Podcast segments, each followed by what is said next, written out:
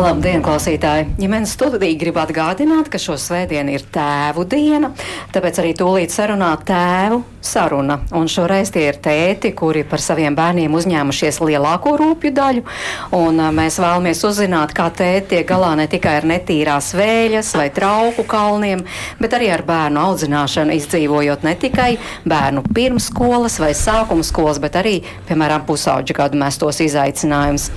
Raidījuma producents Armīti Kolāte uz sarunu aicinājusi centra zinu vadītāju, arī fonda plecs valdes locekli un 12-gadīgas meitas tēti Georgu Rubeni. Labdien, Georg! Labdien! Jūs esat pilna laika tētis vai solo tētis, vai ko jūs par sevi sakāt? Uh, es saku, esmu tētis. Jā, tā atsevišķi kaut kādā veidā izdalīt to laiku. Es nezinu, vai tas ir tā atbilstoši arī. Sarunās, piemēram, ar meitu. Mēs, mēs jau runājam par to, ka es esmu tētis un mamma jau ir mamma jebkurā gadījumā. Un tad uh, jautājums varbūt vienkārši par to, kurš uh, var uzņemties uh, vairāk rūpes un kas ir tā vieta, kas ir meitas mājas. Bet uh, tas jautājums jau par tādu vecāku piederību, tas jau nemainās nekādā gadījumā. Jā, protams, nu, bet ja runājam par mājām vai par laiku, kurš no jums vairāk laika velta Jā. meitai nu? Meita pārsvarā dzīvo pie manis. Tā tas ir sanācis kopš uh, mēs šķīrāmies pirms aptuveni kādiem sešiem, septiņiem gadiem. Un, uh, tā bija tāda. Mm, diezgan tāda dabiska izvēle. Tā iemesla dēļ, ka arī meitas mācību iestāde atrodas tuvāk manai dzīves vietai, arī draugi rada vispārējie. Līdz ar to tā situācija tā izveidojās, par ko es patiesībā esmu ļoti priecīgs un apmierināts. Un, protams, jau to, ka tas jautājums jau vienmēr par to, ka katram dzimumam ir kaut kāda sava loma arī tajā nu, bērnu audzināšanas un vecāku kontekstā. Tas vienmēr ir jautājums par to, kā tās lomas izbalansēt. Un, uh, bija kāds viens brīdis vai viens posms, kas mēģināja būt mamma, tēvs vienā lomā, bet tad saprotu, ka tas īsti neesmu neviens no otrs. Jo tad uh, iztrūkst, uh, iztrūkst tomēr tās nu, dziļās autentiskās attiecības jau ar konkrētā vai nedzimuma pārstāvu, konkrēto vecāku. Un tad patiesībā jā, sanāca tā ļoti veiksmīgi, ka kādu vienu posmu tad meita dzīvoja pusi laika pie manas, pusi pie mammas. Tad arī tās visas mūsu savstarpējās attiecības normalizējās. Un pateicoties tam īstenībā, jā, tad nu, meitai ir apziņa, ka viņi ir divi pilni. Veseli, normāli, jēdzīgi, forši vecāki. Jautājums vienkārši to, cik daudz laika ar katru no viņiem viņi pavada.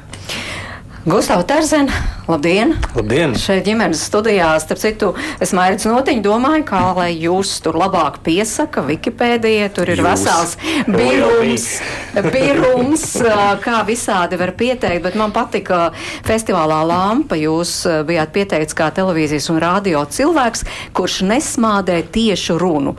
Zemesargs un pilna laika tēvs, starp citu šo pilna laika tēvus jūs uzsverat, vai ne? Es uzsveru, jo pilna laika tēvs nozīmē to, ka tu esi gan fiziski, gan emocionāli aizsniedzams saviem bērniem jebkurā laikā. Un manā gadījumā nu, tas tā ir. Tā tad eh, tās ir rūpes par 10 un 15 gadus veciem bērniem. Jā, Frīcim palika 10 šogad vasarā. tā bija liela balva, indiāņu balva. Un Grietai, jā, nu, Grieta ir 15, un Grieta ir tagad pirmajā kursā. Uh, Rozentāla mākslas skolas, nu, vidusskolā, ja tā kā, tā kā desmitā klase, bet viņa pirmais kurs ir. Jā. Ja tā kā bērni jau ir pusauģa vecumā, kā jūs tās saucat par rūpēm par bērniem vai par kopā būšanu, nu, zinā, vai man, tēta lomas izbaudīšanu? Vai? Man tās rūpes, kā, kā lai pasaka, mm, Vīrieti vienu pašu galvaspilsētā bez uzraudzības atstāt nedrīkst. Ja? man ir ļoti, manā gadījumā ļoti veselīgi, ka bērni ir uh, tuvu, jo uh, nu, tās enerģijas ir ļoti daudz. tās enerģijas ir ļoti daudz. Un uh, šajā gadījumā ar bērniem ir tā, ka puikam vēl ir vajadzīga šī aizsniedzamība un kāds, kas piebalsta, piedod to pleciņu, parāda to perimetru, pa kuru jāiet. Jo savādāk mēs aizējām bišķiņā dziļajās iterācijās, un nesakarīgās drēbi čupās, un izmētātās mantās un, un nesaprotamos garstāvokļos. Jā, un tad es esmu tas, kurš to ktonisko tumsu nedaudz izšķaida ar pienākumiem, ar, ar striktāku bišķiņu režīmu. Jā, to, ka nu, nevarēs vienkārši tā tupēt telefonā un iet gulēt, kad ienāk prātā. Tā nu, mazliet būs jāiespringst, jo viņš trenēs arī futbolā. Savukārt ar meitu ir tā, ka meitai ir vienkārši vajadzīga sava autonomā telpa, kuru viņai nodrošina un neiejaucās. Ja, tas ir tas, tu redzi, tu redzi kas viss notiek. Visu laiku nu, nevajag katrs 5 minūtes tur līst iekšā, bet vienkārši to nodrošināt. Nu, tomēr topošā sieviete. Mm -hmm. ja, un šeit ir tas, tas īpašais gadījums, ka nu, tā nav loma.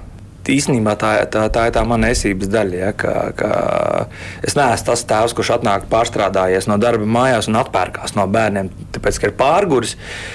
Ja, kā mūsu arī Georgs var, var domāju, mierīgi piekrist, jo ir lasījis, es zinu, ir tāds kolosālais mūsu sirmais vecais eh, franciskāņu mūks, Ričards Rors, viņam ir kolosāls darbs Ādama atgriešanās, kurā viņš min ļoti tādas dziļas un sāpīgas un tiešas patiesības par daudz ko, ja, ka mēs patiesībā dzīvojam tādā sabiedrībā bez tēva. Ja? Kur zēni grib apprecēt mammas, nevis sievas, un meitas grib, lai viņas uztur tēti un priecē viņas un atbalsta visos viņas, es atvainojos, sīkajos dzīves pirdienos. Ja? Nevis apprecēt drošu risku, kas ir ārējais cits vīrietis, ja, tad atdalīties no tām drošajām nabas saitēm. Un mūsu infantīlā sabiedrība, rietumu sabiedrība ir uz to ļoti tendēta, diemžēl. Un es kā šīs zināšanas akumulējot un arī no sevis jūtot, es zinu, ka es iekšēji sirdī savai meitai to nevaru nodarīt. Tāpēc tas striktums vai tā disciplīna un tā mīlestība nav tikai tāda lolojoša un romantiska. Viņa mēdz būt arī diezgan stingra. Bet no tā disciplinēšana, pusauģa disciplinēšana, viss, par ko jūs runājat, tā prasa enerģiju. Enerģiju jums vajag arī visiem tiem entajiem darbiem, piemēram, ja Wikipēdijā paskatās tur radio, DJs, mūziķis, ceļotājs, žurnālists, pasākumu vadītājs un tam līdzīgi. Pievienojiet vēl.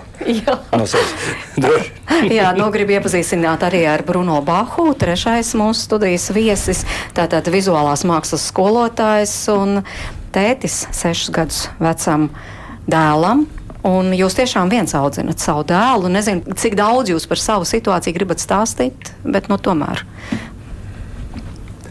Es audzinu viens, jo ģimenē notika liela traģēdija. Mēs zaudējām daļu no ģimenes kodola, un dažus jau mēnešus es mēģinu aptvert realitāti.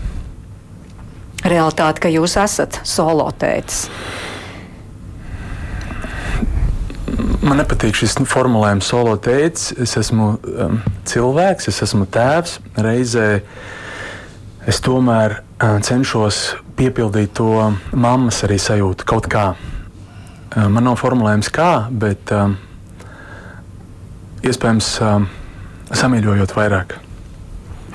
Nu, jūs esat tomēr mazliet citā situācijā. Mēs tā mamma ir tā teikt, rokas stiepiena attālumā. Kur ir tie brīži, kad jūs stiepjat to roku pretīm tai otrai pusītē un sakāt, nu, palīdzi, vai kā mēs šito risināsim? Nu, redz, mums ar Georgu ir tā greznība, ka mums ir kam Stiep Bruno vairs nav. Es saprotu šīs iespējas. Jā. Bet uh, man ļoti paveicies ar jā. cilvēkiem, ar līdzcilvēkiem, ar manu mammu, ar Hugo Omīti, ar manu māsu. Jo, ja nav cilvēki, ja nav kopienas komunas, tad tu vienkārši grimsti šādā mm -hmm. brīdī. Mhm. Un tu nezini, kā celties. Bet pateicoties cilvēkiem, man nekas cits neatliek. Es gribētu pakomentēt, man, man tāda tīra empātiska sajūta, jo mēs ļoti daudz par vīriešiem daudz ko nezinām. Jā, ir dažādas stigmas. Šī brīža sabiedrībā un tāda polarizācija gan par neskaidrajiem dzimumiem, par dzimumu lomām un par visu. Un Bruno ir skaidrs piemērs. Vīrietis tas, kurš uzņemas atbildību. Man šķiet, ka tā modernā, tā mūsdienu vīrišķība ir nevis skriet mamutam pakaļ pa prēriju, bet uh, uzņemties atbildību, nesalūst, izturēt. Un, uh, mēs droši vien Georgi, nes, nespējam pat iedomāties, kam Bruno šobrīd ir cauri. Bet manā gadījumā ir paritāte ir 50, 50, tā krāsniņa izkūrās. Nu, labi, nesanāca laulība. Bet uh, tas nenozīmē, ka nav ģimenes. Ja ir divi bērni, ja ir uh, dzimts, ja, tas nenozīmē, ka ir jāpagriež mugurā un, un tagad uh, un, jāsaka, es tā nespēlējos. Tā ir milzīga atbildība arī šķiršanās attiecības, jo saglabās viņas vienkārši pārējai citā fāzē, un tev ir jāsāk mācīties, kādā. Tā ir pilnīgi jauna teritorija, kurā iet. Smagi, protams, jā, tas ir ego dabūjot bankrotu vēlamo.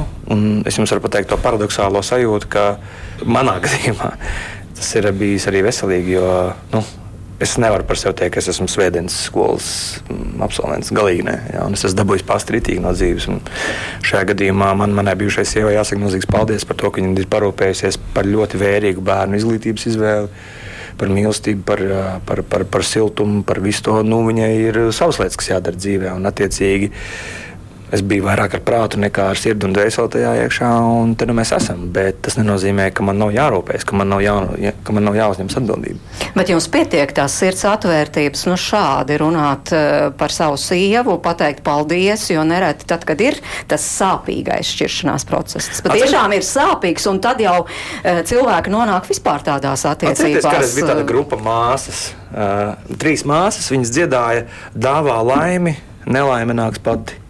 Ja? Protams, ka labi. Tikai. Bet kā jums tas izdevās? Neviens tur nav slikts cilvēks. Nevienā no otrā pusē man ļoti patīk, kā mans draugs un rakstnieks un zvejnieks Andris Akmentiņš teica, nu jā, tā, kad divi šķirās, tad šķirās vismaz 80. Ja? Un, tā ir liela lieta. Ja, jo, mm, nav jau tā, ka mēs neko nedarījām. Mēs, mēs, mēs gājām līdz galam. Mēs, mēs tur, tur pāru terapiju, tur viss, mēs darījām tiešām visu. Nav ko pārmest. Ne sev, ne viņai. Mēs darījām visu līdz galam, godvārds. Nu, nē, nu, nu, beigās ir lielais nē. Un, Un, ziniet, kādreiz, kad skatās uz tiem burkšķošajiem, savītušajiem, izkurtējušajiem pāriem, ja, kas savā attiecību līmenī ir palikuši tajā infantīlajā projekciju līmenī veikalos, kurš viens uz otru burkšķi var ne, nevar rindu izstāvēt kopā. Un tad ir tie kolosālie pāri, kas tur 70 gadu vecumā iet tur pliki gar jūrmalu un vienkārši tur, tur ir vēl rotaļājās savā starpā un saglabājuši to iekšējā bērna atvērtību. Un tad ir vienkārši dzīves ceļš, kurā ir jāiet katram savs ceļš, bet paliek tās atbildības. Un tur es saprotu, ka man, kā tēvam, kā manu bērnu tēvam, man ir uzdevums vienkārši iedots, ka man ir jāturpina mācīties un jāturpina tās savas sirds laust, kamēr viņi būs atvērti. Viss? Mm -hmm. Georg, kāpēc es te pieķeros pie tās cieņpilnās izšķiršanās un pie tā, ka bērnam paliek vienlīdz gan mamma, gan tētis? Tāpēc, ka bērnam tas ir ļoti svarīgi, lai viņš turpinātu normāli dzīvot tālāk. Par savu pieredzi. Jā, jā uh, Noteikti, kā tu mini, protams, tas ir vajadzīgs arī tādai bērna veselīgai, arī augšanai, attīstībai un pilnveidai. Un tas, kā tas ir manā gadījumā, faktiski ir tās nu, attiecības par, lai, par laimi gadu gaitā ir pietiekoši normalizējušās. Lai, piemēram, tajā brīdī, ja es kādreiz gadās braukt uz tādu vietiņu kā Lūžiņa, kuras vadu tādas arī pasākumu programmas pieaugušajiem, piemēram, tad skaidrs tas, ka tur uh, meita vienmēr līdzi nevar paņemt, vai ne? Un, un tad mums tās attiecības ir tādas, ka, piemēram, nu, ja man ir kāds tāds brauciens uz kaut kādām vairākām dienām, tad laicīgi saskaņojot, tad, ir, tad protams, tad meita dzīvo pie mammas tās dienas. Un, uh, tādā veidā tā, teiksim, tā rokas pastiepšana tādos tīri praktiskos jautājumos. Taču uh, uh, noteikti Gribētu vēl nedaudz pakomentēt arī par to, ko Gustavs minēja, gan par to vīriešu lomu, atbildības kontekstā, gan arī par tām atvērtajām sirdīm, to atvērto sirds telpu. Tā jau ir viena no tādām mākām, kas ir katram no mums jāmācās visu dzīves garumā. Un, protams, ir virkne, virkne no lietām, kuras mēs saviem bērniem varam nodot. Mēs varam nodot, nezinu, tur vērtības, mēs varam nodot kaut kādu, nezinu, disciplīnu vai kārtību vai, vai vēl kaut ko. Bet atvērtā sirds telpa vai, piemēram, tāda nu, veselīga attiecība veidošana, tā katram būs jāmācās pašam. Ir kaut kādas lietas, ko mēs varam iedot vai iepilināt, bet, uh, lai kā mēs arī pūlētos, kā vecāki, mēs visu nekad neiemācīsim. Nekad. Un tad, ir, un tad ir svarīgi iemācīt vai vismaz parādīt to, ka cilvēks neizveidojas kā gatava būt tajā brīdī, kad pabeidz skolu, ka mācības nebeidzās 12 klasē vai nezinu, universitātē. Tas tēviem. Tas tēviem, jā. Bet tas mācību process vai tāds sevis pilnveids process patiesībā ir jautājums par tādu veselīgu atvērtību pret arī pārmaiņām. Tāpēc, ka īstenībā vienīgais, kas mūs maina pa īstam, ir pārmaiņas. Jo augšana vienmēr ir pārmaiņu process. Un tāpat tās, protams, arī uh, Līdzīgi arī tas, ko Gustavs minēja, vai ne, piemēram, piemēram arī šis atdošanas koncepts. Jo ja mēs nespējam piedot, nezinu, tur šķiroties vai, vai vēl citos kontekstos, faktiski, ko mēs darām, mēs nesam sev līdzi nenormālu pagātnes smagumu. Un tas pagātnes smagums mūs īstenībā kaut kādā mērā determinē to, ko mēs darām. Kamēr mēs no tā nevaram atbrīvoties, mēs nevaram ar pilnu krūti dzīvot šodienai, dzīvot saviem bērniem, dzīvot arī kādām nākotnes izaugsmas iespējām. Bet jūs domājat par to nākotni? Tagad, tomēr uzņemoties lielāku rūpju daļu par saviem bērniem, varbūt vairāk precīzāk arī formulēt, ko es gribu sagaidīt, par ko es šo mazo cilvēku bērnu gribu izaudzināt. Jā, noteikti. Un tur ir ļoti daudz īstenībā tās tēmas vai tādas apakštēmas. Un, piemēram, viena no tādām klasiskām lietām, man liekas, tagad eh, manai meitai, kurai 12 gadi ir, īstenībā sākās uh, pirms kāda nepilna gada. Tas uh, agrīnās, agrīnā pusauģa atdalīšanās periods vai posms. Protams, tas ir kaut kāds brīdis, kas, brīdis, kas saprot, tā, nu, nu tas bērns jau nav mans īpašums. Tas bērns dzīvo pats sevi, savu dzīvi. Tas, ko es varu darīt, ir palīdzēt, motivēt manai meitai dzīvot pašai savu dzīvi un mācīties, ko tas nozīmē. Tādā nākotnes kontekstā. Tāpat arī domājot par tām uh, lietām, uh, kuras es vēlētos uh, nodot, vai, vai vēl kaut ko, arī man kā vecākam jāapzinās, un, un ko es arī cenšos darīt, ka, lai kādu es būtu iztēlojies sav, savas meitas nākotni, tā ir mana iztēle. Mans bērns pats pieņems savus lēmumus, mans bērns pats veiks savas kļūdas, mācīsies no savām kļūdām. Es to visticamāk noskatīšos kādā brīdī, līdzīgi kā mani vecāki skatījušies uz mani, manām kļūdām. Un man tas būs jāpieņem. Un vienīgais, ko es varēšu darīt, ir savai, savai meitai būt klāt un uh, atbalstīt. Bet uh, es nevaru izdzīvot dzīvi viņas vietā. Uh, es nevaru viņas vietā mācīties. Es varu vienīgi būt tāds atbalsta plecs vai atvērts uh, cilvēks kā tēvs viņai blakus, ka tajā brīdī, kad viņai ir vajadzīga šī parunāšanās vai, vai, vai paraudāšanas plecs par to, ka atkal labāko draugu sastrīdējusies. Tas arī jādara. Mm, bet tas tiešām notiek, jā, ka, jā. piemēram, tā 12 gadniece nu, tiešām atļaujas paraudāt uz tēta plecu un pastāstīt, zini, tēti, mums tur ar draudzeni. Ir, jā, ne tā. Un, un, un, un īstenībā arī bija tā, ka mm, mēs kādu, es, es kādu laiku tā meklēju, kāds tas attiecību modelis varētu būt visveiksmīgākais. Jo mana meita ir tāda ļoti izteikta gribas spēku, ļoti spēcīgu raksturu. Un tāda tieša konfrontācija vai tādas tiešas disciplinēšanas lietas vai aizlieguma tur īsti nestrādā. Un, tā, faktiski tas, ko es pirms kādiem pāris gadiem uztaustīju, ka tas labākais instruments, kā nodot kādus mēsīģus no manas puses, ir caur humoru. Un caur, mhm. tādu, jā, caur tādu spēlēšanos, mhm. -huh. spēlēšanās elementu. Un patiesībā arī tagad, kad kādreiz, kad meita pa kaut ko uzcepās vēl kaut ko, mums jau tādi mūsu savstarpēji draudzīgie joki izveidojušies, kas viņa tā ar humoru norāda to, ka tev tagad vāciņš ir atvērties un tu šobrīd jau esi tādā nu, emocionālā stāvoklī, ka tu varētu arī kaut ko pateikt vai izdarīt, eh, ko, ko pēc tam vēlāk nožēlos. Un tad viņi, viņi, viņi jau tur iemācījās, viņi, viņi saprot, ah, jā, pareizi, jā, tagad būs tā.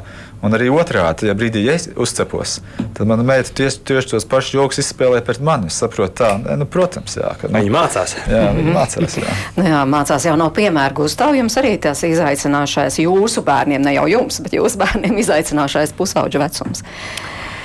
Kā tiekat galā? Es to nekad neesmu uztvērs kā kaut kādu tādu tā kā tā tas beidzot ir pienācis, un viss mums tagad ir jāgrupē mūsu aizsardzības vaļņi, jo ir pusaudzis. Nekad tā nav bijis. Jā, jo, um, man ir bijusi tā laime uh, būt kolosāli vecāku bērnam pašam. Sveiciens Arnim un Dacei. Jā, un mani bērni ir uh, uh, tādā brīvībā auguši, ka tas vecums, jeb tā tīnība, tās transformācijas, ko arī Georgs min, jā, un arī tās sāpes un savā ziņā ciešanas, ja, jo mums nāk, ienāk mūsu dzīvēs nesaprotamas sajūtas. Un tas, ko mēs darām, ko mēs darām rietumu sabiedrībā, mēs viņus anestezējam. Un, ja mēs kā tēvi nemācīsimies paši neanestezēt savu mūžīgo puiku, jeb to Pīteru Penu, kas mūsos iekšā negrib pieaugt un grib tikai lidot un lidot. Un, ja mēs nepiezemēsimies, mēs paši esam pusauģi, 40 gadīgi. Liela daļa vīriešu mūsu sabiedrībā ir 40 gadīgi pusauģi vienkārši. Ja mēs paši būsim pusauģi, mēs dusmosimies uz tiem pusauģiem, kas ienāk mūsu dzīvē. Mēs nolaidīsimies līdz tam līmenim un karosim ar viņiem, pacelsim balsi, mm -hmm. konfliktēsim, ja mēs paši nepieaugsim. Ja? Un es vēlreiz atgādinu, ja, ka mums ir jāaug pašiem, un tās transformācijas un tās pārmaiņas, ja viņas patiešām mēs vēlamies, ir jāiet cauri tiešām konfrontācijām ar savām nepatīkamajām sajūtām. Es prātā nestādos, kam Bruno iet cauri šobrīd, ja, bet tās ir sēras, kā es skatos. Tas ir zaudējums. Ja. Mums ļoti pazīstams viens vietas vīrs, uh, Līvu krasta mežos. Man reiz teica, ka mūsos katrā ir punkts, kurā mūs var nodurt ar kniepadatu. Un nav atšķirības, vai tu stāv ar cilpu kaklā no tā, ka tu nevari bankai parādu dot, vai no tā, ka tu esi izšķīries, vai tu esi sievu zaudējis. Ja? Nevajag salīdzināt savas nelaimes ne ar vienu. Un šajā gadījumā, piemēram, rādīt pusaudzim to, ka tu stingri stāvi un uzklausi, un tevī ir tā sirds telpa visām viņu vētrām, visiem viņu pārdzīvojumiem, pārkāpumiem, sociāli, kultūra, ekonomiskajiem kaut vai. Ja? Jo mums taču arī fiskāli viņi jāaudzina, vai ne?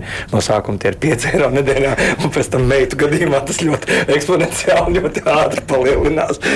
Un šajā gadījumā mums tēviem ir jāpieaug caur ciešanām. Es to varu atkārtot tūkstotis reizes. Mēs nedrīkstam izvairīties no nepatīkamās dzīves puses un tēviem, tāpēc ka kas ir tēvs? Tas ir pirmais svešinieks bērna dzīvē. Bērns ir mātes turpinājums, viņš ēd no krūts, un tas ir jūs, līdz trīs gadiem, ja tur ir tā somātiskā saikne. Ja. Tēvs ir pirmais svešinieks bērna dzīvē, kurš viņu ievedīs ārpasaulē, kur ir pilns ar briesmoņiem. Un, ja tu tur tajā drausmīgajā pasaulē nebūsi tēvam vajadzīgs, visticamāk, tu nebūsi vajadzīgs nevienam citam savā dzīvē. Tā tad.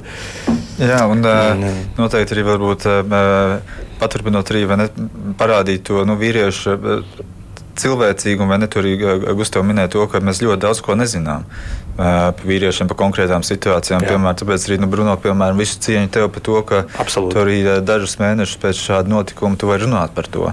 Nu, teiksim, nu, kad arī to paust, jo tas tā tiešām ir milzīga dāvana, prasme. Jo nu, turēt sevī vai ne šādas lietas un neizpaust, nu, tā mums kļūst par tādu nepanesamu nastu. Tā kā, teiksim, ja, ja tas ir kaut kas, ko tu varēsi nodot savam bērnam, tad tiešām tā būs arī milzīga, milzīga dāvana. Jā, tiešām paldies Bruno arī no ģimenes studijas, bet bērns palīdz šādā grūtā situācijā. Tas, ka viņš ir līdzās, ka par viņu ir jārūpējas, viņam ir jādod ēst, ir jāmazgā vēļa, ir jādara visi dienišķie darbi. Bērns, bērns ir mana cerība, mana nākotne, mana gaisma. Un, um, tas, ko es viņam varu dot jau tagad, mm, patieso kailo dvēseli, sākot no to, ka tēvs pārdzīvo, ka tēvam ir asaras, ka mēs raudam kopā, līdzīgi kā es sevi zemapziņā varbūt dēvēju kā tādu paradumu konstruktoru, kā mehāniķi, jo manam dēlam jau kopš piedzimšanas, kopš viņš sāka runāt, bija divi vārdi populāri - nē, es nevaru. Un es kā pedagogs visu laiku pielietoju dažādas metodes, un tad es esmu sapratis, ka, um, ja es viņam neizskaudīšu šo paradumu, viņš um, zaudēs uh, iespējas, viņš neizmēģinās kaut ko, kas viņam pienāks, kas viņam nesīs prieku, laimi, jo viņam būs jau barjera. Un tad es viņam mācu atrast to algoritmu, ka nesaki nevaru, varbūt ir par grūtu, man nesanāk, tas ir savādāks formulējums. Un pedagoģijā man ļoti palīdz, ka es neskatos uz bērnu kā uz bērnu es viņā redzu vienmēr mazo pieaugušo. Tā ir ļoti būtiska atšķirība. Viņa nav mazi mm. zaķīši. Mans dēls savā vecumā ir izdzīvojis um, reizē Elli, reizē viņš ir tik pieaudzis spriedumos, ka, ja pirms tam man likās, ka tiešām ir bērni un ir šķautni, kur ir pusaudzis, nē, ja, mēs, ja es runāju ar savu dēlu, kā ar pieaugušu vīrieti, tikai mazākā uh, izmērā, ar skaidrāku formulējumu, ar, ar vienkāršākus uztveres vārdiem, uh, Tad notiek brīnumi. Viņš, viņš, viņš veido paradumus, kā klausīties manī, kā nomierināt mani. Viens piemērs. Ikdienā labu gribot cilvēki, nu, viņi grib pavaicāt, kā tev klājas. Bet es esmu tāds atklāts cilvēks, un es saprotu, ka tajā īsajā laika tikšanas vienībā, tiekoties, tu nespēji atbildēt, kā tev klājas. Nav formulējumu. Tu atbildi vienam, atbildi mēģini korrigēt otram, un tu saproti, ka kaut kas nav. Un tad es padomāju, vai dēlam, dēls, es saku, tu zini, kādā situācijā mēs esam. Kā tu atbildētu manā vietā cilvēkiem, kuri grib labu, nu, pavaicāt, kā tev klājas, bet tas formulējums nav manī. Un tur bija ātri atbildi, tur bija tēti, saki tā. Ir priecīgākas dienas un ir uh, skumjākas dienas. Un patiesībā jā, jo arī LE iespīd gaisma, arī es baudu šo sarunu ar šiem skaistiem, foršiem intelektuāļiem. Un īstenībā daļēji Gustavs dēļ es atbraucu šodien no Balskas. Jo, jo manam dēlam uh, Gustavs caur raidījumu te ir tāds. tāds, tāds um, Foršs cilvēks, īsāk sakot, un Gustavs bija arī manā pirmajā personāla darba izstādē iecavā, kuru pirms tam apmeklēja mana ģimene kuplā skaitā līdz ar to. Nu, šī ir tā diena, kas mani baro, kas man dod spēku un, un liek noticēt tai rītdienai. Kā puikam vārds? Hugo! Hugo! Čau! Te Gustavs. Lieliski, bet nu, jūs jau šajā brīdī arī kaut kā skatāties, kā būvējat, konstruējat to savu Visu dēlu laiku. nākotni. Visu laiku. Mana bērnība pagāja izdzīvošanā. Uh, mani bieži apsmēja kariķēji dēļ uzvārda. Tāpēc tu esi kļuvis par karikatūristu. šis labs, es nezinu. Jāaiziet pie psihologa, būs vēlreiz un šis jāpavaicā. Bet ar intelektu dzīvē bieži nepietiek un ir vajadzīgs tāds neordinārs vīrieša paņēmiens, kā atrisināt situācijas. Dziļāk neko nesaku, bet mans dēls ir kaila trausla dvēsele savos sešos gados. Viņš ir pa maigu šajā pasaulē, kura lauž, kura posta, kura tajā pašā laikā ir skaista dēļ cilvēkiem, kas ir Latvijā. Bet tajā pašā laikā viņam ir jābūt tai mehānikai, ko darīt. Ja, piemēram, kāds viņam sola pa muti, ko darīt, ja viņu pazemo, un mans uzvārds neļauj uh, tapt mīcītam. Saprotiet, man ir jāinstruē viņš, jo viņš, būs, vien, viņš ir vienīgais mans mantinieks. Uh, tīri uh, emocionāli un reizē saknes dēļ, un sakne ir vārds uzvārds. Un, un, un es nevēlētos, ka Hu Hugo dzīvē tiek mīcīts. Un, un tā intelektuālā spēja ir pārāka par fizisko spēju, manā izpratnē. Viņa vienmēr uzvarēs to fizisko draudu, bet tev ir jāspēj aiziet no situācijas īstajā brīdī. Bet, ja es to instrumentu neiedodu, vai kaut vai, nu, kā viņš saka, pacīnīsimies, tēti, tagad, jā, nu, tad viņam patīk tie laušanas kaut kādi paņēmieni, aizturas paņēmieni. Un kā man labs draugs, arī pedagogs Aivis. Viņš saka, Bruno, cīnies, dari, bet esi maksimāli tajā mirklī. Nedomā par darbu, nedomā, izbaudi to cīņu, jo bērns jūt to. Un, un tā ir tā mehānika ar tām cīņām, ar tām sarunām. Nu, tā jau saka, jā, ka varbūt nav tik uh, svarīgs tāds ilgs laiks kopā vecākam ar bērnu, bet svarīga kvalitāte. Nu, to tagad vienmēr uzsver kaut vai 15 kvalitatīvas minūtes kopā ar bērnu, bet kaut kā atšķirīgi jūs tomēr izturaties pret dēlu un meitu. Nu, piemēram, Gustavam ir tāda pieredze, ir dēls, ir meita. Jūs kā tēts. Man vispār meitas istabā iet, man liekas, biļeti jāpērk tagad. nu kā, nu, mēs vēlreiz varam mācīties. Nesanāca ar sievu, tad uh, tu vari ar bērniem mācīties un iziet tam vēlreiz alfabētam cauri, kā top vīrietis, kā top sieviete. Jo grieta ir. Uh, Nu, viņa ir karaliska būtne vienkārši. Tas, kā viņa veidojas, kā viņa iet cauri savu dzīvi, kā viņa mācās, kā viņa pārdzīvo, kā viņa pārvar. Un es jūtu, ka es tūlās, tūlās to spilventiņu viņai tur tā, zem, tā, zem tā kritiena palikšu. Un, nē, un tā mistērija man atvelk to roku apakaļ. Nē, un man ir žēl, un es redzu, kā viņa nokrīt un nobrāžās un mācās un patīk tiek uz priekšu. Un es zinu, ka es neesmu tas sugar daddy. Es nebūšu tas šķiņķojošais, infantīlais, 60-gadīgais nepieaugušais vīrietis, kurš ar daudz darba, ar daudz naudas būs nozadzis savai meitai uzņemties atbildību par visu savu dzīvi. Es tik daudz redzu apkārt nevis pieaugušas sievietes, bet vecas meitenes. Tik daudz Pīters Penus, nevis pieaugušas vīriešus ka man nav ar ko parunāt brīžiem. Mm -hmm. nu, bet tad, tas ir līdzīgi arī un, audzinot dēlu. Tas taču ir tas pats. Dēlam ir tas pats. Es, es vēlreiz saku, nevajag iejaukties, nevajag viņa vietā neko darīt, bet tas perimetrs, ja viņš tev ir nodziedājies Rīgas doma, kora skolā dziesmu svētkos, viņu atved tev pusvienos ļenga un apakaļ vienkārši iedod rokās, tad aiznes viņu mājās, bet viņam nākamajā rītā ir jāceļās. Un, ja viņš nepiecelsies, viņš nepiedalīsies lielākajā pasākumā, kāds mūsu tautai ir svēts. Man tur ir jābūt, jo es zinu, točni, ka viņš aizgulēsies. Bet bez pārmetumiem. Un es tad nostrādāju. Es nostāvu sardzē. Jā, nevis baru viņu par to, ka viņš pats nevar piecelties. Es ceļos, bet es viņa vietā nevaru nodziedāt. Es viņa vietā nevaru aizbraukt. Es viņa vietā nevaru paēst. Atcerieties, bija tā multiplikācijas filma, jā, kur tas susliks ēda kāmja vietā un ingroja. Vai ne? nu, vai, nu, tur, tur bija tas, ja, ka nu, to manā vietā izdara, un to manā. Mēs nevaram tā otra cilvēka vietā neko izdarīt. Neko. Mm. neko. Jā, Georgi, ir kaut kāda piebilde par šo, vai, vai tēvs audzina meitu vai dēlu? Ir kaut kāda būtiska atšķirība. Man grūti pateikt, man ir tikai pieredze ar meitu. Jā. jā. jā, taču jā, tas ir uh, interesants jautājums, noteikti arī tādā plašākā kontekstā. Mēs īstenībā to arī savā nu, lielākās ģimenes lokā esam vairākas reizes pārunājuši. Man ir brālis, kuram ir trīs meitas, māsa, kurai ir divi dēli un meita. Un, uh, tā interesantā lieta ne, ir tā, ka pat tad, ja tie, tie gēni tiem brāļiem, māsām ir vieni tie paši, un tā vide, kurā viņi aug, ir identiska. Tad tomēr tur ir kaut kāda šī mistērijas komponente, kas padara to katru bērnu par unikālu būtni, par unikālu dvēseli.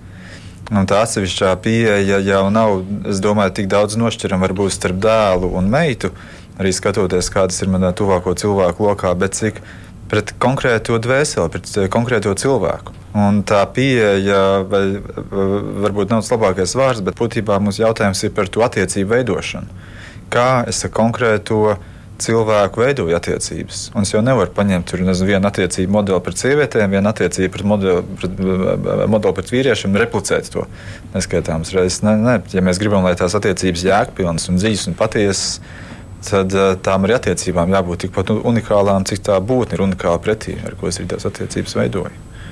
Bruno? Nesen darbā ar bērniem Mēs runājam, ka katram mūsos ir tas dimants, bet par briljantu viņš top, ja tas tiek pulēts. Un, manuprāt, nu, tam dzimumam nav nozīme. E, svarīgi ir pieeja, kā tu redzi to savu atvasi. Jo sākumā arī es ļoti gribēju dēlu. Nu, tas bija kaut kas fenomenāls. Ļoti mazā ģimenē pirmā ienāca meita. Es viņu uztvēru kā, un joprojām uztveru kā savu meitu. Wow, nav nemaz tik slikti, cik forši. Un viņa manī, kā vīrietī, atmodināja tādu mīlestību, ko es, es nezināju, kas manī dus iekšā. Ir balstiņa, palika mīļa. Nu, tas ir kaut kāds tēvs, kuriem ir meitas zina to. Es, nezin, es nezināju, ka tā var būt. Un tad es domāju tā. Es vēlos arī meitu, jo es jūtu to transformāciju iekšējo. Jo ārējā transformācija bieži nenotiek, jo ir maska priekšā kaut kāda. Ir dēls, es esmu laimīgs, Um, un daudz punktu. Mm -hmm. Jā, no daudz punktu tiešām varbūt šajā mirklī man ļoti grūti pārtraukt šo sarunu, bet uh, bija paredzēts, ka tajā piedalīsies arī eksporta projektu vadītājs ražošanas uzņēmumā Edgars Andersons. Diemžēl viņš netika, bet nu, mēs pirms šī raidījuma sazvanījāmies un varbūt arī tāds īs viņa pieredzes stāsts. Paklausāmies! Mēs divi tā ar puiku dzīvojam privātā mājā jau gadu. Esmu šķīries, bērnu māte dzīvo 40 km attālumā. Attiecīgi, nu pati skola sākusies, viss tā kā uz mani un, un dara to vienatnē, jā. Kā tas e, notika, ka tomēr izlēmāt, ka jūs audzināsiet puiku, jo biežāk ir tā, ka pie mamām tie bērni paliek? Tāpēc tas ir mans puika. Es viņu uztaisīju, es ko neatbildēju. Tas ir, tas ir mans projekts es par viņu tur un es nezinu, pašsaprotami. Bet sieva tā pieņēma šo jūsu viedokli tik pašsaprotam, kā jūs stāstāt? Nu, ja tu dzīvo laukos bez tiesībām, bez, bez darba un, un es pilnībā no vīra atkarīgs, tad viņai promējot bija daudz lielāka izaicinājuma pašai pastāvīgi kājām nostāties nekā vēl par bērnu rūpēties. Nu, es, es negribu teikt, ka es biju varmāk ar, ar, ar, ar destruktīvām tieksmēm, no kuras jāmūk projām, bet mums kopā nesaskanēja.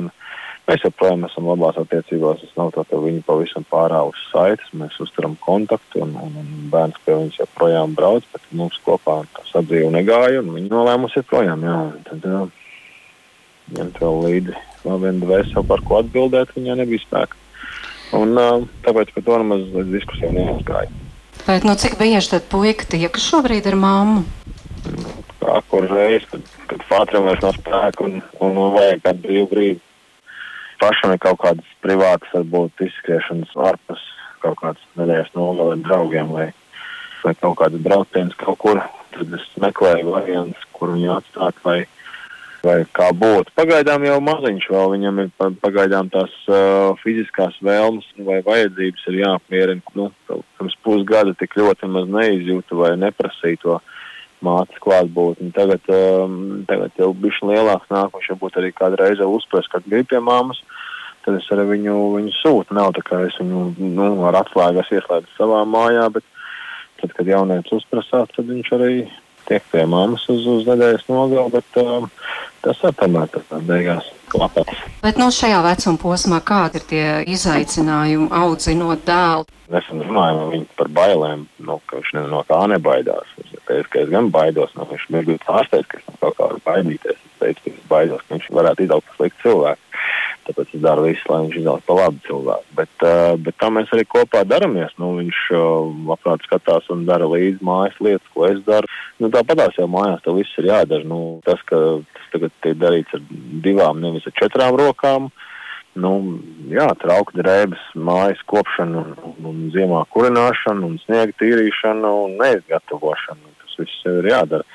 Tāpēc kā pie privāta mājas daudzam citam tādam uh, aktīvam vai, vai atpūtnieciskam laikam neatliek. Un es pēdējā laikā sāku tam skatīties līdzi un, un bišķiņu sev sist pa nagiem vai, vai, vai kaut kādā iekšēji sev graust, ka nepietiek laika tādām bērnišķīgām atpūtas lietām, kā varbūt, nezinu, pilsētas bērniem iet uz laukumiņiem vai dragāt uz ķinīti un uz, uz nezinu, cirku vai lēļu teātru. No, ne, mēs pa māju pavadam to laiku un darām vīru lietas, kas šecējās garažā, kaut ko uznaglo, kaut ko sīkais rokās, tur smoškustē un ceļ savas mājas un kāp kokos, palīdz zāli pļaut.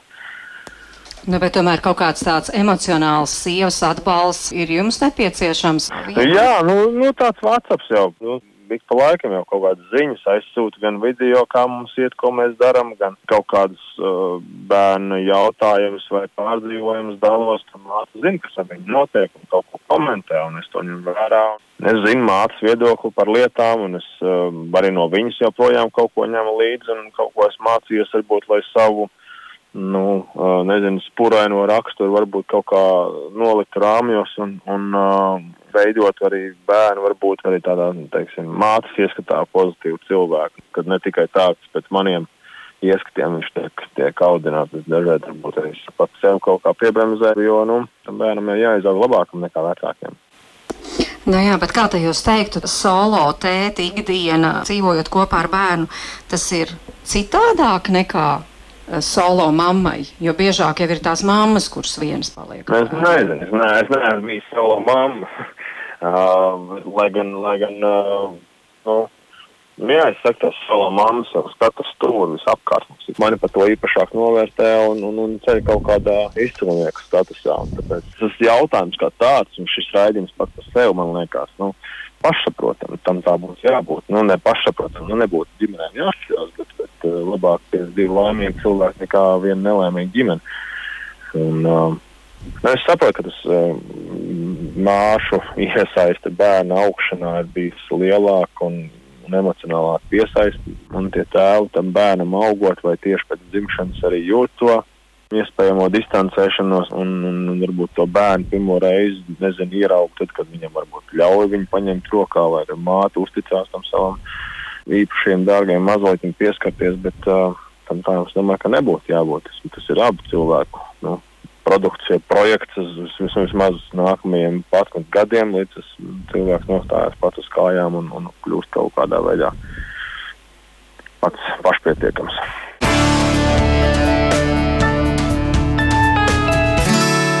Tas bija Edgars Andersons, vēl trīs lieliski tēti, Georgs Rubens, Gustavs Terzens un arī Bruno Baks ir ģimenes studijā. Varētu teikt, tēti, kuri uzņemas lielāko daļu rūpju par saviem bērniem vai solo tēti. Te ieskanējās Edgars teiktajā, tas ir tik pašsaprotami, vai vispār par to ir jāstāsta. Kā jums šķiet, ir kaut kā jācildina tēti, kuri paši tiek galā ar visu, ar veļas kalniem, ar traukumu mazgāšanu, ar bērnu audzināšanu, kā jūs testāt. Tas ir kaut kas īpašs vai tas ir pašsaprotami? Man šķiet, ka Edgars ir trāpījis ļoti precīzā vietā, un viņa balsī bija ļoti daudz tādas nepārspīlētas mm, patiesības. Kāda ir veļas kalna, kāda trauku kalna? Mums ir veļas mašīnas, mums ir uh, trauku mašīnas, mums ir 2023. gads. Mums viss bifels ir sadalīts kotletēs imiju uh, letē. Kas, par ko mēs par runājam? Jā, tas ir mums, mūsu vietā ir izdarīts tik daudz. Jā, mēs izlepstam tik ātri un tāpēc arī nepieaugam. Tāpēc, ka mūsu vietā kaut kas amorfs, neredzams, neaizsniedzams izdara mūsu vietā kaut ko tik ļoti daudz, lai atgrieztos pie tā, ka jādara kaut, kam, kaut kas pašam. Nu, es nezinu, ir jāsņem kaut kāds realitātes tiešais trieciens kaut kas, un ceļš vīriešiem. Mm, es tikai par sevi šajā gadījumā varu runāt. Nu, Man ir ļoti grūti to atzīt, bet man tas ir 42 gadi, un man dažas lietas dzīvē mācīties ir tiešām ar bombu pa galvu joprojām. Ja? Mm -hmm. Bet, eh, ja drīkst, man jānoliek tie mazie oļi, kas dzirdot kaut ko sakrājas, un ja es viņus norunāju, man paliek vieglāk. Man nepatīk formulējums tēti, un ir solo tēti, ir vienkārši tēti. Un manā gadījumā mamma jau nekur nepazūd. Mamma ir viņa vērtībās, viņam bija un ir joprojām eh, mīļākā, mīlošākā mamma, kura vienmēr būs blakus Un tas, ko viņš spoguļos pasaulē, tas ir daļa no mammas. Es neesmu solo teicis, es esmu tētis, kurš arī iemājo daļu no Hugo mammas. Un tā ir ļoti būtiska atšķirība. Es, es vai mēs, kāds cits, kurš ir nonācis līdzīgā situācijā, uz mums uh, neskatieties kā nu, tādi īpašie. Mēs esam komunā ar, ar to akcentu, ar to lepnumu, ar to patosu tēvs. Nu, tas ir fantastiskākais. Tāpēc es gribēju mazu tādu. Nu, jā, Brunā, jo tas, ka tu uztaisīji bērnu, vēl tevi nepadara par tēvu. Mm -hmm. Mm -hmm. Jā, bet nu, tomēr man no ģimenes studijas puses šķiet, ka ļoti svarīgi šie stāsti izskan, jo nu, tā realitāte ir tāda, kāda ir. Un varbūt, ka tēvos ir lielāka kaut kāda tā iekšējā nedrošība, vai es tikšu galā nu, piemēram, šādā situācijā šķiros, vai es varēšu tur nu, šo izturēt 50 pret 50 un to nedēļu ar tiem bērniem, vai es tikšu galā? Ja man kāds teiktu pirms tam, kam būs jāiet cauri, kas būs jāiztur un kas notiks, es labāk izlikšu pa loku. Bet dzīve ieliek tieši tādus akcentus un tādus saskarsmes punktus ar realitātes, kādas tu esi pelnījis. Un tev jau krājuj tikai tik, cik tu vari izturēt. Ja tu nevari izturēt, tad tu mirsti. Bet, ja tu mirsti, tad tev atbrīvo vieta kaut kādām jaunām dzīvībām. Tā mēs varam filozofēt uz priekšu. Nepadoties. Mm -hmm. Jā. Cilvēkam ir atšķirībā no dzīvniekiem dot milzīga tāda vēlība no lielās mistērijas izturēt. Jā, Jā mēs, ne, tas sākotnējais jautājums, tas būtu jāgodina, es domāju, ka Noteikti, ka nē, bet vai par to būtu jārunā, es, tad, tad, tad es piekrīstu arī neko minēt to, ka šādi stāsti būtu jāstāsta. Tieši tā iemesla dēļ, ka daudzas lietas mūsu sabiedrība, sabiedrība ir ārkārtīgi stigmatizētas. Un, uh, bieži vien, piemēram, nu, ja mēs skatāmies to, kas notiek tajā publiski pieejamajā komunikācijā, nezinu, sociālajos tīklos, vēl kaut kur, mēs jau parasti publisku zāru rādām kaut kādus nezinu, labos mirkļus, to esenci no tās nezinu, dzīves virsotņu kaut kādiem emocionāliem punktiem. Bet tās dzīves realitāte, bet tas attālina mūs no tās dzīves realitātes. No tā, ka ir šādi izaicinošāki brīži, nezinu, gan pa kādām tur audzināšanas lietām, vai kādi brīži, vai nekad nezinu, ir kaut kāds emocionāli saspīlēts attiecības mājās, vai vēl kaut kas. Patiesībā šāds stāstu aktualizēšana parāda to, ka mēs visi esam cilvēki, to, ka mēs visi ejam cauri diezgan līdzīgām lietām, dažādiem izaicinājumiem, un to, ka patiesībā ar šādiem stāstiem mēs atveram pasauli varbūt kādiem citiem, kas arī nonākuši tādā situācijā, ka apzinās, ka jā, bet par šo tēmu es varu runāt. Iespējams, ka ne tikai runāt, bet arī kāds man sadzirdēs. Un, ja kāds man sadzirdēs, iespējams, ka es varbūt arī kādā vietā varēšu gūt sev kādu atbalstu. Tā kā es domāju, tajā kontekstā, protams, ir ārkārtīgi vērtīgi dalīties ar šādiem stāstiem. Jo pretējā gadījumā, ja mēs paliekam tajā anonimitātes līmenī, Un, ja mēs cilvēkus visus subjektivizējam, izjūtam uz ielas, nezinu, tur satiekam vienu, otru, trešo, paņemam garām, tā kā tie būtu nu, objektivizējam, ka, nu, ja, ja tie būtu absolūti objekti, ka vienkārši tas nav cilvēks, bet tas ir kaut kas, kam spēja garām, tad mums arī tur neveidojas nekāda ne empātija, ne attiecības, ne arī vērtības pret citiem cilvēkiem. Citi cilvēki mums kļūst svarīgi tikai tajā brīdī, kad mēs nu, nodibinam kaut kādas attiecības un sākam sarunāties. Un tā kā tāda, tādā arī domāju, plašākā kontekstā, sabiedrības saliedētības kontekstā, šajā šī vārdu plašākajā nozīmē, tādu stāstu paušana ļoti būtiska, šādu un līdzīgu. Stāstu. Bet jūs bijāt arī vienmēr esat bijuši tik pārliecināti par sevi, tik droši par sevi. Nu, tieši par to, ka spējat ar visu tikt galā un veidot attiecības ar bērniem, arī tad, kad eh, bijāt divatā. Nē, noteikti nē. nē, nē. Uh, jā, man uh, meita piedzīvoja, ka man bija uh, 25. Protams, tas tāds superīgs vecums, jo tad ne jūra līdz ceļam liekas, ka visu ir iespējams izdarīt, visu ir iespējams panākt sava taisnība un savas atbildes uz visiem dzīves jautājumiem. un tad, un tad sāk, vai ne, un tad pakāpeniski sāku atskārst, ka tās manas patiesības un manas atbildes ir diezgan falšas un, un, un, un nepareizas kaut kādā ziņā. Tad, protams, tas mācīšanās brīdis vai mācīšanās posms sākās tāda jauna švunga, tāda jauna vilna. Un, piemēram, tādā bērnu kontekstā, tas, ko es ārkārtīgi novērtēju pie savas meitas, es domāju, ka ne, neviens cits cilvēks man nav iedevis tik daudz kā mana meita. Mm. Es ne no vienām citām attiecībām neesmu mācījies tik daudz kā no savas meitas. Jo tas, ka ir šis bērns blakus un kā viņš pamazām aug un attīstās, jau cauri visiem attīstības posmiem, visam pārējiem. Nevilšus. Es vēlreiz izdzīvoju savu bērnību, skatoties, nekas, kāda ir bijušas manas reakcijas vai sajūtas līdzīgās situācijās. Nevilšus. Es izēju cauri varbūt arī kādām sev bērnībā, lai zinātu aktuāliem jautājumiem, un tas viss arī veido mani. Un, jā, tā kā, tā kā, tas, tās grūtības un sarežģītības vai izaicinājumi, jā, nu, protams, sākumā likās, ka viss būs iespējams. Bet tajā brīdī, kad mēs tajā situācijā nonākam, tad mēs arī domājam, tādā bērna audzināšanas, tādā vecāku lomā, tad mēs saprotam to, ka tā dzīve patiesībā ir daudz dziļāka krāsaina, bagātāka nekā sākumā ir licies. Nu jā, bet es šo jautāju, jo tagad atspēros uz Edgara vārdiem. Viņš tur teica, nu jā, un tad, kad tas mazulis, un viņš, protams, tur te mammas vēderā, un viņam tik cieši tās attiecības, un tad tā mamma vai nu tā kā uztic to savu mīlulīti, nu vismaz sākuma posmā tam. tam Otram vai tam nē? Citam, tam jā. citam. nu, tas ir īstenībā ļoti liela arī mm, saikne, kas rodas tam Jo vīrietis tiek nogāzts no kājām, tad viņš saprot, ka viņš, tas bērns tur ir, ka viņš nāks. Un es biju abu savu bērnu dzemdībās iekšā, man savādāk neļāva.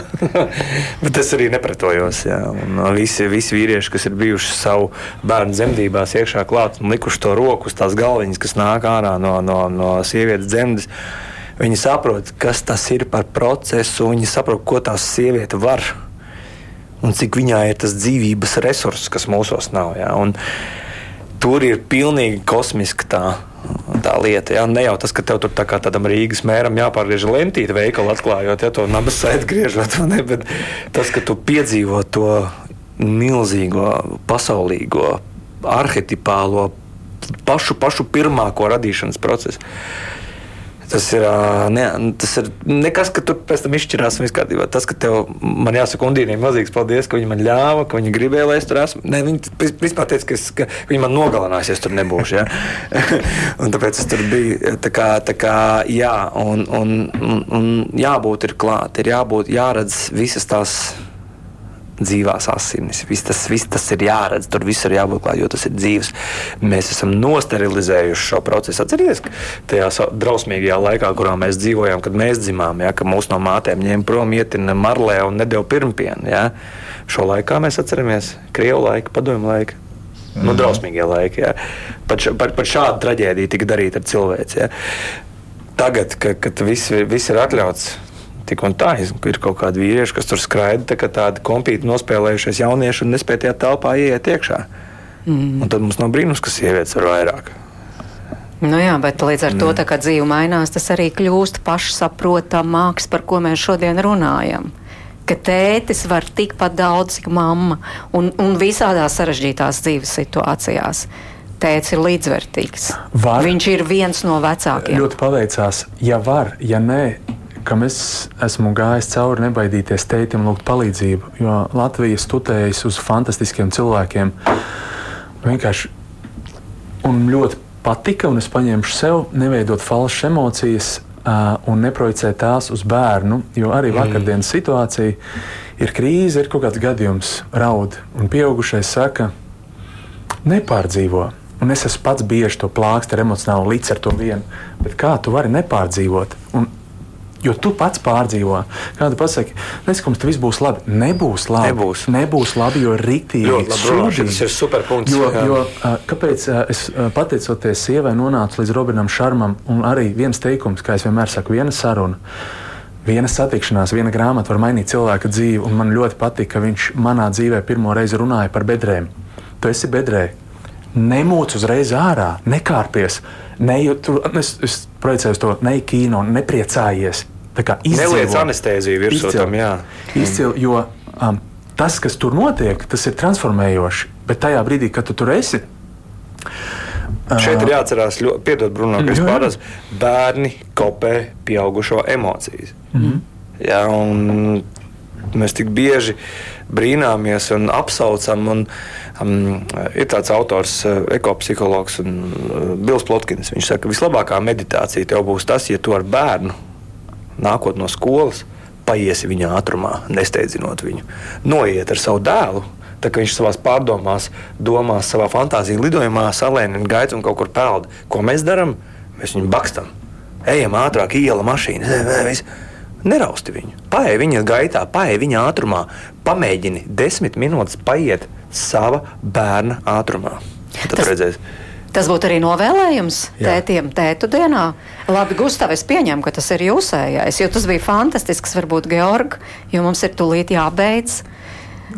Es noteikti pievienojos tam arī, ko Gustavs teica, jo arī šis autors Bills Lotkins ir viens no maniem skolotājiem, pie kā arī es mācos. Šī doma tā ir tāda, man liekas, tiešām ļoti, ļoti vērtīga. Uh, Un varbūt nedaudz plašākā kontekstā arī paskatoties uh, ne tikai ietver bērnu ātrumā, bet no savām tām vecāku pozīcijām nolaisties līdz bērnu pozīcijām. Ļoti patīk tas, ko Bruno minēja par to, ka mēs jau bērnus eh, bieži vien skatāmies vai ne kā tādus nepilnvērtīgus pieaugušos, tad bērns patiesībā jau ir cilvēks.